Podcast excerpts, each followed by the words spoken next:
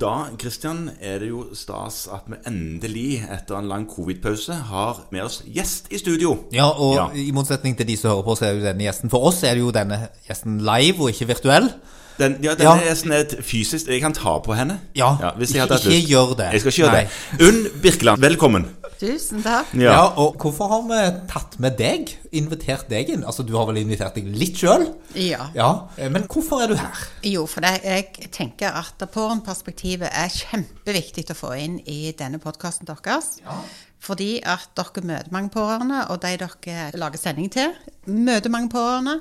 Og vi skal alle bli pårørende, enten vi er fagpersoner, eller med er naboer eller kollegaer. Foreldre. Og Ja. døtre og sønner og brødre og søstre. Så Vi er alle pårørende, sier du. Vi er kanskje pårørende sjøl, ja. Det var akkurat det. Ja. Man er ikke bare pårørende til noen, men man er pårørende. Ja, ja. Du kom altså fra det som heter Pårørendesenteret. Ja. Ja, Det er et nasjonalt senter for pårørendearbeid som både direkte gir støtte og veiledning til pårørende via hjelpetelefonen, som heter Pårørendelinjen, og nettsidene vi driver og forskjellige sånne ting. Podkast og uh, Ja. ulike ting. Men så gir det òg indirekte hjelp til pårørende via kompetanseheving til fagpersoner. Og det gjør vi gjennom foredrag, undervisningsmateriell, konferanser og forskjellig sånn, og veiledning da, til fagpersoner som møter pårørende. Det kan være i helsevesenet, men det kan også være i skole, i barnehage, i Nav, i politiet. Ja, det er de, de løgneste plassene. Så får vi henvendelser fra folk som Det kan være arbeidsgiver som har en ansatt som ikke lenger klarer å konsentrere seg fordi at pårørenderollen er så påtrengende i hverdagen. Du, jeg, må, jeg må si, jeg ser du brenner til spørsmål, Kristian. Jeg må skyte inn en ting først. Ja. Du sa du jobber på et nasjonalt pårørendesenter. Eh, Det er et nasjonalt senter for pårørendearbeid. Det vil si at vi server hele landet. Eh, så Ligger i ringer da Stavanger. folk fra Ja. Trondheim, liksom? Det og- kan ringe fra Hammerfest eller Kirkenes eller Kautokeino og helt sør i Kristiansand eller innerst i Ja. Hedmarken. Men har ikke disse egne plasser de kan ringe litt mer lokalt, da? Noen plasser er det lokale pårørendesenter. Da er det kommunalt drevne pårørendesenter. Okay. Ja, og de er av og til drevne av frivillige, men gjerne én fagperson. Men hos oss så er det bare utdanna personell, helse- og sosialfaglig bakgrunn, lang erfaring og masse veiledningskompetanse. Jo, for det er jo et annet spørsmål som er da, som, som sitter her med, med snever bakgrunn, gått på samme studie og samme kull og hele pakken. Hva faggrupper er det som er tilknyttet et pårørendesenter? Mm, ja, du, vi har flest sykepleiere og familieterapeuter. Men vi har òg både psykiater, psykolog, eh, ergoterapeut. Eh, vi har eh, folk med ulike tilleggsutdanninger. Nettopp nå er det eh, ferdig utdanna masterkandidater, og, og som òg har fått artikler godkjent. Vi er veldig stolte over den høye kompetansen vi har hos oss. Og det er for å kunne møte alle de eh, ulike behovene og de yrkesgruppene som, som er der ute, og som treffer pårørende i hverdagen. Ja, og, og så sa du at du, dere var senteret. Hvor stort er dette senteret? Vi har eh, godt 20 ansatte. Eh, ikke alle er her i Stavanger. Noen sitter andre plasser i landet fordi at de er knyttet opp mot denne hjelpetelefonen og kobler seg bare på da, på et mobilt sentralbord. Men vi er vel 14 som er her på senteret i Stavanger. Ja. Nå er det jo ikke så veldig lenge siden det gikk opp for ganske mange rundt omkring i Norge at det ser ut som det blir flere eldre her plutselig blant oss. Ser du eh, kanskje at det du holder på med, det arbeidet dere driver på med, kommer bare til å bli viktigere og viktigere framover? Ja, det er helt uten tvil. Det var ikke et ledende spørsmål. Det, nei, det var det, det, var det slettens ikke. Eh, det er uten tvil noe som kommer til å bli enda mer eh, påtrengende, hvis vi kan si det sånn. For det at det blir flere eldre, de skal leve lenger, mange skal bo hjemme. For det, at det er bare de sykeste som vil få plass på sykehjem eller i andre egne plasser eh, som har tilsyn. Det er òg en nedgang i ressurstilgangen. Og det er et kjempestort problem at det blir et større og større gap imellom det antall hender vi har til rådighet, og de som vil trenge disse hendene. Og i det gapet så er det noen som er inne og dekker det. Klart Noen kan få dekka det gapet via kjøp av private tjenester, men de som da velger å jobbe innen private tjenester, de, det er jo da et konkurranseforhold igjen til det offentlige. Sånn at det er bare å springe rundt og bite seg i halen i forhold til ressurstilgangen. Eh, Men pårørende må da inn i dette gapet. Og det er det ikke så mange som tør å si høyt. For med en gang du sier det høyt, så utløser det en del nye spørsmål. Ok, hvem skal da ta vare på disse pårørende som vil trenge støtte, veiledning, hjelp etter omsorg? Noen plasser må de få lov å spørre og diskutere. Eh, Ja, for det, det er jo ikke en fagutdannelse å være pårørende. Nei, det, Altså, og det er ikke en diagnosegruppe heller. Nei. Så dette utløser ingen rettigheter. Ikke annet enn retten til informasjon. Retten til å få hjelp og støtte.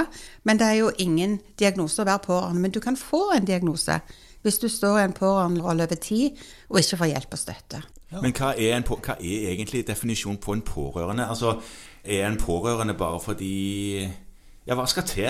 En er vel pårørende nesten uansett, eller må den du kjenner eh, ha en slags medisinsk diagnose for at du skal være pårørende? Du nevnte at du får telefon fra rundt omkring i landet om folk som kanskje ikke fungerer i arbeid. Og, og det er jo ikke alltid en diagnose. Nei. Vi kan skille mellom nærmeste pårørende, som veldig veldig mange i, i innenfor helsevesenet kjenner veldig godt til. Det er jo den som blir ført opp i journalen, som er den som skal involveres til å ha informasjon. Og det er jo en jur- juridisk rolle. Men så er det mange andre pårørende utenom som ikke er nærmeste pårørende, men som i kraft av å være nærstående opplever seg som pårørende, og de kan få følelser og reaksjoner som pårørende når noe skjer med den de er glad i, den de er i nær dialog med. Det kan være familie, altså øvrige familiemedlemmer, men det kan òg være kollegaer på jobb, som du gjerne tilbringer åtte timer sammen med til dagen. Det kan være eh, naboer i gata som du har bytt med i et langt liv. Eh, Det kan være folk du synger med i kor, eller trener med i et eh, treningssenter, eller som du er- har et nært forhold til. Og det kan være vennene. Og i vennegjenger så kan pårørendeopplevelsen òg bli veldig veldig sterke, fordi at vi blir så berørt når noen av de vi er nære venner med, får en enten alvorlig diagnose, eller det skjer noe med de som gjør at de trenger eh, både umiddelbar hjelp og gjerne langvarig hjelp. Så det er mange skall i denne pårørende-sfæren, liksom. Det er det. Så det er ikke bare én person. Du, noen er vel kanskje sårbare med at de har veldig få i sitt nettverk til å være pårørende. Mm. Mens andre er kanskje for godt skolert med at det blir Mm. veldig mange. Det er klart at hvis du har mange eh, pårørende rundt deg, så kan eh, pårørendebyrden deles på flere. En kan lage en sånn eh, sirkulær ordning. F.eks. Mm. så kan eh, fire unger som har ei mor eller en far som har en begynnende demens, kan de ha hver sin uke de har ansvaret. Så vil du en ha fri på en måte de andre ukene. I, for, I forhold til akkurat de oppgavene som er knytta til pårørenderollen, så kan det jo selvsagt være så mye i lag en vil utenom det, men akkurat det ansvaret kan en ha fri fra. Men så er det jo de situasjonene der det gjerne er bare én, som da hele veien går og bærer dette. Eller kanskje det kan være noen som vegrer seg, som ikke vil, som trekker seg vekk. Og det er klart det er mange områder her som kan være konfliktfylt, Ja, og- og sykdom kan òg føre til dette kan jo dere mye mer om enn en, en oss andre. Eh, altså at Sykdom kan endre personligheten på en sånn måte at en kan òg oppleve å bli støtt ut, eh, hindre i å få hjelpe. En får ikke lov å gripe inn, en får ikke lov å be om møte med lege. Og, og der er det òg ei gruppe pårørende som vi av og til møter, og det er de vi kaller for de skjulte pårørende. De som er pårørende til noen som ikke vil vedkjenne seg sykdom. De vil ikke til lege for å få en diagnose. De vil ikke ha behandling. Eller om de er i behandling, så stikker de bare av eller Ja, ja. melder seg ut. Vi, mø sånn. vi møter jo de, og jeg, Mm. jeg kom til å tenke på eh, det scenarioet du sa der med at pårørende barn kan dele byrden av en begynnende dement forelder. Det sier jo vi òg, meg og Kristian, når vi sitter og jobber, og at de kan ha rettigheter til penger. Til, til på en måte en slags sånn lønn, en omsorgslønn, for å ta vare på foreldrene sine. Og det samme vi når man skal ta vare på barn. Så er det òg noen ganger Nav-stønader og støtteordninger involvert. Er den økonomiske siden av dette, der er det kanskje òg en del spørsmål? Ja, da ofte får vi spørsmål knytta til både vergemål og til det med rettigheter, eh, økonomiske rettigheter og sånn, men vi spiller på et veldig stort nettverk. Vi har veldig tett dialog med pasient- og brukerombudet f.eks., eh, med andre organisasjoner, sånn at vi har òg en losfunksjon. Sånn at hvis vi får inn spørsmål som vi tenker her er det andre som er veldig mye bedre til å svare på akkurat dette enn oss, så leder vi de videre til det. For det at Pårørendesenteret skal også ha den funksjonen at vi spiller på alle andre som òg kan noe om dette, sånn at vi får et helhetlig og godt hjelpetilbud til alle som trenger det i, i hele landet. Og da er det sånn at dere trenger ikke noe henvisning fra fastlegen? Nei, ingen henvisning. Men det hender vi får. Ja. Det hender vi får henvisning fra en da? fastlege. Nei, da, sånn da humrer vi bitte litt i skjegget og tenker ja, her er det en fastlege som tror at det skal henvises til oss òg. Og så pleier vi gjerne å ha en liten sånn oppklaringsrunde. Du, det trenger du ikke. Det er fint du gjør det, at du tenkte på oss, men du trenger ikke. Eh, Vi trenger ingen henvisning, trenger heller ikke noen søknad. De bare fyller ut et eh, kontaktskjema på nett, og så, og så, får, så får vi det inn digitalt da. Eh, vi ser en økende grad av at fastleger eh, viser til oss. Ikke sånn formell henvisning, men at eh, når de fyller ut kontaktskjema, så har vi et spørsmål hvor har du blitt tipsa ifra. Og veldig mange etter hvert skriver fastlege. Og det viser at eh, vårt eh, område har blitt gjort kjent, for vi har hatt en del foredrag, særlig for LIS1-studiet. Så har vi hatt foredrag om, om pårørendesenter. Og det gjør at legene som nå etter hvert blir utdanna, de, de, kjenner til tilbudet og ser at her kan det være nyttig for den de sitter og har på kontoret, og tar kontakt med pårørendesenter for å få videre oppfølging. Du sa LIS 1. Dere hadde foredrag for LIS 1-leger? Ja, altså ja. de som er i det Ja. gamle turnusløpet? Hvor? I hele landet, da? Vi har hatt både i Helse Midt og i Helse Sør og Øst og ja. Helse Nord høres det ut som er på banen. De, de må nok på banen, ja. altså det, og her òg, det mangler litt systematikk, og det er litt avhengig av at noen kjenner noen som kjenner noen. Og, ja. ja. Men vi har vært på Det er jo foredrag i der. denne her, eh, hva si, den sfæren du driver og opererer i, eller dere driver og opererer i, det høres ut som det er litt sånn litt der som er en slags sånn, kan iallfall være et sånn ingensmannsland som vi som fastleger fort tenker at her vet jeg rett og slett ikke hva jeg skal gjøre. Jeg kommer til kort fordi at det, det er kanskje en sånn person som du sa, vil ikke til legen, vil Mm. ikke vite om at de er syke, er kompetente, de er samtykkekompetente, så du kan liksom ikke tvinge dem til noen ting som helst. Det har heller ingenting for seg. Da blir jo vi famlende. Da kunne jeg kommet da tror jeg jeg kunne kommet til å sende en henvisning til deg. og sa her må du ta Mm. Det kan du veldig godt gjøre. Og så Ja. hender det òg av og til at vi får eh, fortvilte pårørende som henvender seg til oss og nettopp heller ikke vet hva de skal gjøre. Og da kan vi f.eks. si at det er noe som heter pårørendesamtale, som du kan be om hos fastlegen. Sant? Og det er det en del leger som òg ikke vet om. Fortell. Ja, du kan, altså Som pårørende så kan du be om å få en pårørendesamtale med den fastlegen som er fastlege til den du er pårørende til. Og Ja. det er i, in, i, det, I det regelverket så fins det en åpning for det. Men vi hører av og til fra pårørende at de har prøvd på det, så får de til svar at det fins ikke. Og det er noe med å være kjent med å kunne Ja, bruke altså, det kan- regelverket. Du kan, jo, du kan jo ha Det er ingen takst for det. 6, 12 A og B. Ja. Riktig. Ja. Så det er helt opplagt eh, en mulighet. Og det får vi jo bruke denne anledningen da til å informere alle. Til å minne om det. Ja. Og det kan jo tas eh, i etterkant, eller i tilslutning til en helt vanlig konsultasjon. Hvor Ja, ja. Ja, så så kjempegodt poeng. Eh, Det andre jeg lurte på, det er jo sånn vanlig klassiker nå i norsk eh, helsevesen. Sånn Senest i dag fikk jeg en e-konsultasjon der det sto i og med at det er sikkert et års ventetid, gidder du bare henvise meg til spesialist sånn og sånn. Der jeg da måtte svare på at det er det nok ikke, men noen måneder er det jo.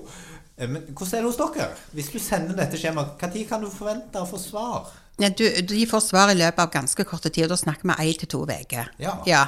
Hvis de ringer på hjelpetelefonen, så får de jo svar med en gang. Ja. Og for noen er det nok å ta den telefonen som er på linja.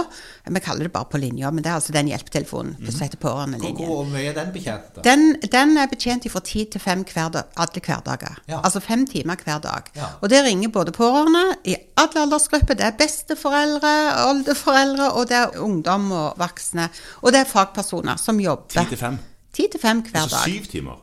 Ja, det blir sju Nei, det ble ikke fem timer da, Morten. Hæ? Det er jo ti til fem er syv timer. Mm, det stemmer. Ja, nå Nå tenkte jeg, nå må vi regne riktig. vi, det er litt seint på dagen, men det er syv timer. Ja. Men det er ganske bra, da. Altså en hel, Stort sett en, så godt som en hel arbeidsdag hver dag. Ja, hver dag. Ja, Ja, og Da Det sitter to stykk på den telefonlinja hele veien, og du kan chatte, du kan maile, eller du kan ringe. Men så kan de òg gå inn på nett og bare fylle ut et kontaktskjema som da kommer inn i innboksen Mm. til oss, og så blir den fordelt. Og de som fyller ut kontaktskjema, er jo ofte de som da ønsker en avtalt telefonsamtale Mm. eller videosamtale. De kan få både telefon og video, og hvis de bor i området rundt her, så kan de selvfølgelig komme på senteret. Eh, med- med Mm. Du peker den veien, men til Ullandhaug. Vi er på Ullandhaug. Ja, rett i nærheten av det nye. Rett på nærheten av det nye, Ja, ja. midt mellom universitetet og det nye Så, sykehuset. og så var x antall år så vil dere være veldig nærme det nye sykehuset. Det Nærmere nærmere til slutt så er dere spist opp av det nye sykehuset. Kanskje. Men hør nå, disse eh, kommunale, regionale nodene, for det er kanskje ikke det da formelt, men de som er rundt omkring i landet, Mm. Tar de òg kontakt med dere? Ja da, vi har tett samarbeid med de, med de lokale pårørendesentrene. For som jeg sa tidligere, noen av de blir drevne med en del frivillighet, men gjerne en fagperson. Og den fagpersonen bruker ofte oss. Vi har sånn kommunalt nettverk for pårørendeansvarlige. Så vi har alle kommunene i landet er invitert til å være med i det nettverket. Og der har vi møte hver måned der vi gir dem kompetanseheving på pårørendearbeid. Og mange av de er jo der nettopp for å lære litt om hvordan kan de De må jo formidle gjerne litt til sine frivillige. Hvordan kan vi gjøre jobben lokalt i kommunen. Men da er det kanskje litt annerledes. De driver litt pornkafé, eller de har noen samtalegrupper, og de har mer sånn lavterskeltilbud. Så også så får han jo veiledning og oppfølging, vi pleier å si tre til fem ganger. Noen får lenger, noen trenger bare to, og noen er faktisk ferdig etter bare én samtale og sier vet du hva, nå fikk jeg akkurat det jeg trang. Jeg fikk sortere, få oversikt, jeg vet akkurat hva jeg skal gjøre. Det var nok med den ene. Og så er det noen som kommer igjen. Etter, etter et år eller to, for nå har pårørenderollen eh, kommet på et nytt nivå, eller fått en ny alvorlighetsgrad, eller det kommer nye pårørenderoller inn, og så trenger de en ny runde. Ja. Tenkte på Hvor kommer pengene til dette her fra? Ja, det Vi hadde jo en heisatur i fjor. Er gjerne noen som fikk det med seg. Da var vi plutselig ute av statsbudsjettet, for at eh, det var en prosess på at en skulle rydde i tilskuddsordninga. Og det kan i seg sjøl gjerne ha vært en fornuftig tankegang, men det var bare det at alt forsvant jo. Barnet gikk ut med badevannet.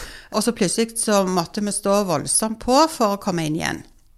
Eh, og det gjorde vi da i revidert statsbudsjett i fjor. Og nå har vi en egen post på statsbudsjettet med et eget regelverk. Så nå, nå har vi jo en formening om at det er forankra i både pårørendestrategi og i eh, Tid for handling, den nye NOU-en som handler om helsetjenestene, at vi trenger et nasjonalt eh, eh, tilbud eh, i forhold til pårørendearbeid og et nasjonalt senter for arbeid og kompetanseheving innen pårørendearbeidet. Men er det formelt sett et nasjonalt kompetansesenter for pårørendearbeid? Nei, det er ikke det, og det tenker vi at vi skal ta den rollen med. Ja. Men vi trenger litt hjelp fra andre til å være med og peke på at vi må ha et sånt et nasjonalt kompetansesenter, og vi er mer enn klare til å ta rollen.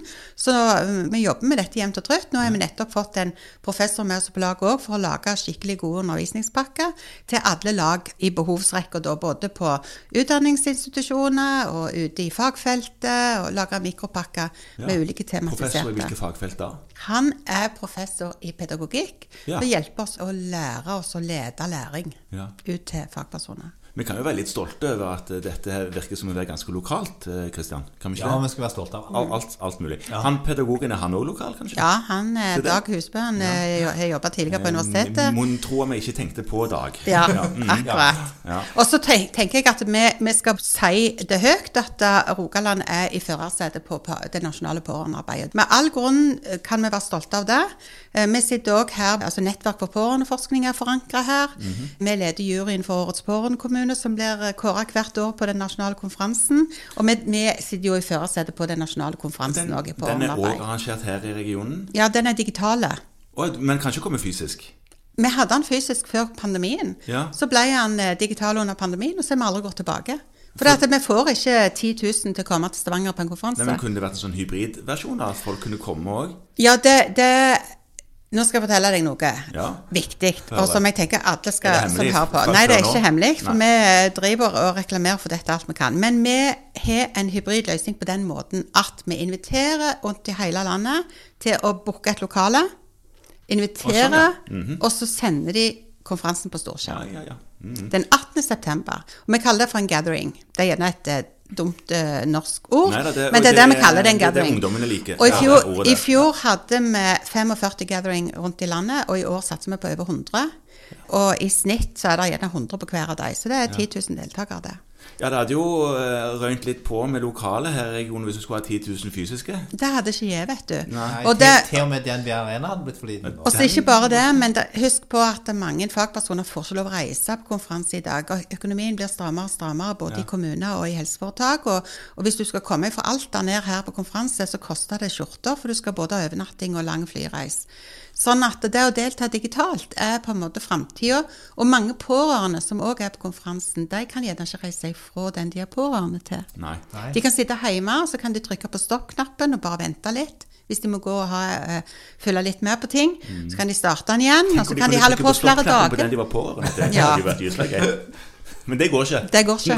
Nei, det går ikke. Men derfor er det godt at en konferanse kan være sånn at du kan stoppe opp, og så kan du se det om igjen, Mm. og du kan spole tilbake. Hvis, og du, kan, du kan velge det du har lyst til å bruke ekstra tid på. Men hva vil du si til de brorparten av våre lyttere er, er leger, og kanskje de fleste er fastleger? Hva skal de sitte igjen med når de har hørt på oss nå snakke i en tid? Hva er viktig? Jeg tenker de skal sitte igjen med en økt erkjennelse av at det gapet som vil komme, som vi alle vet om framover i tid, eh, det skal dekkes av noen. Og vi vet at pårørende er nødt for å ta en stor del av det. Og for å gjøre de pårørende best mulig i stand til å stå i det. Altså meg og deg òg, vi skal stå i det. Sant? Ungene våre skal stå i det. For å gjøre de best mulig i stand til å greie det, så trenger vi et nasjonalt kompetansesenter som både kan bistå pårørende direkte, men òg indirekte gjennom fagpersoner. Det kan være en lærer. Vi har hatt f.eks. lærere som har ringt oss og sagt vet hva, jeg har noen unger i min klasse som nettopp har fått vite at far har fått kreft. Hva skal jeg gjøre? Mhm. De kan mye om pedagogikk, de kan mye om læring, men de kan ikke så mye om pårørendeperspektivet. Burde ikke dette her inn i skoleverket da, på et eller annet vis? Jo, men det er jo det vi holder på med òg. Mhm. Vi holder jo på å prøve å komme med pakker inn i, i skolen. Ja. Og det kan være en barnehageansatt som forteller at uh, nå har vi en unge i gruppa vår som har, der foreldrene forteller at de har fått vite at de skal få et nytt barn med store hjelpebehov allerede fra fødselen av. Hvordan skal vi være med å forberede dette, denne treåringen i barnehagen på den rollen som pårørende søsken?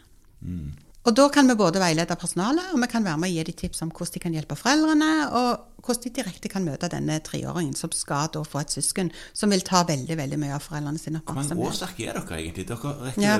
Nå sa jeg det at vi er godt 20 stykk i, i antall, men vi er, en, vi er eh, jeg tror det er 12,8 eller 12,9 Ja, ja, årsverk. Så det er jo flere som er små stillinger da, eller Flere små stillinger, men allikevel, det høres ut som dere rekker over Dere gjør mye, da. Ja, men vi kunne gjort enda mer hvis vi fikk bare flere midler fra statsbudsjettet. Du, meg alle. Så Ja. vi skal uh, jobbe på for, for å få det til. Veldig, veldig bra. Men da regner jeg med Vi pleier ofte å legge ut en sånn link til noen hjemmesider og litt sånn forskjellig i, i Det skal vi få gjort. Så det skal vi få gjort. Ja. Og så er det jo å ønske deg masse lykke til videre i eh, det arbeidet. Og så er det jo på en måte bare å bemanne opp den der telefonen, for nå blir det vel en storm, tenker jeg. Jeg skal henvise et par. Jeg vet om noen Ja, allerede. ja. Så lykke til videre med arbeidet ditt, Unni. Tusen, Tusen takk takk. Tusen takk til dere òg.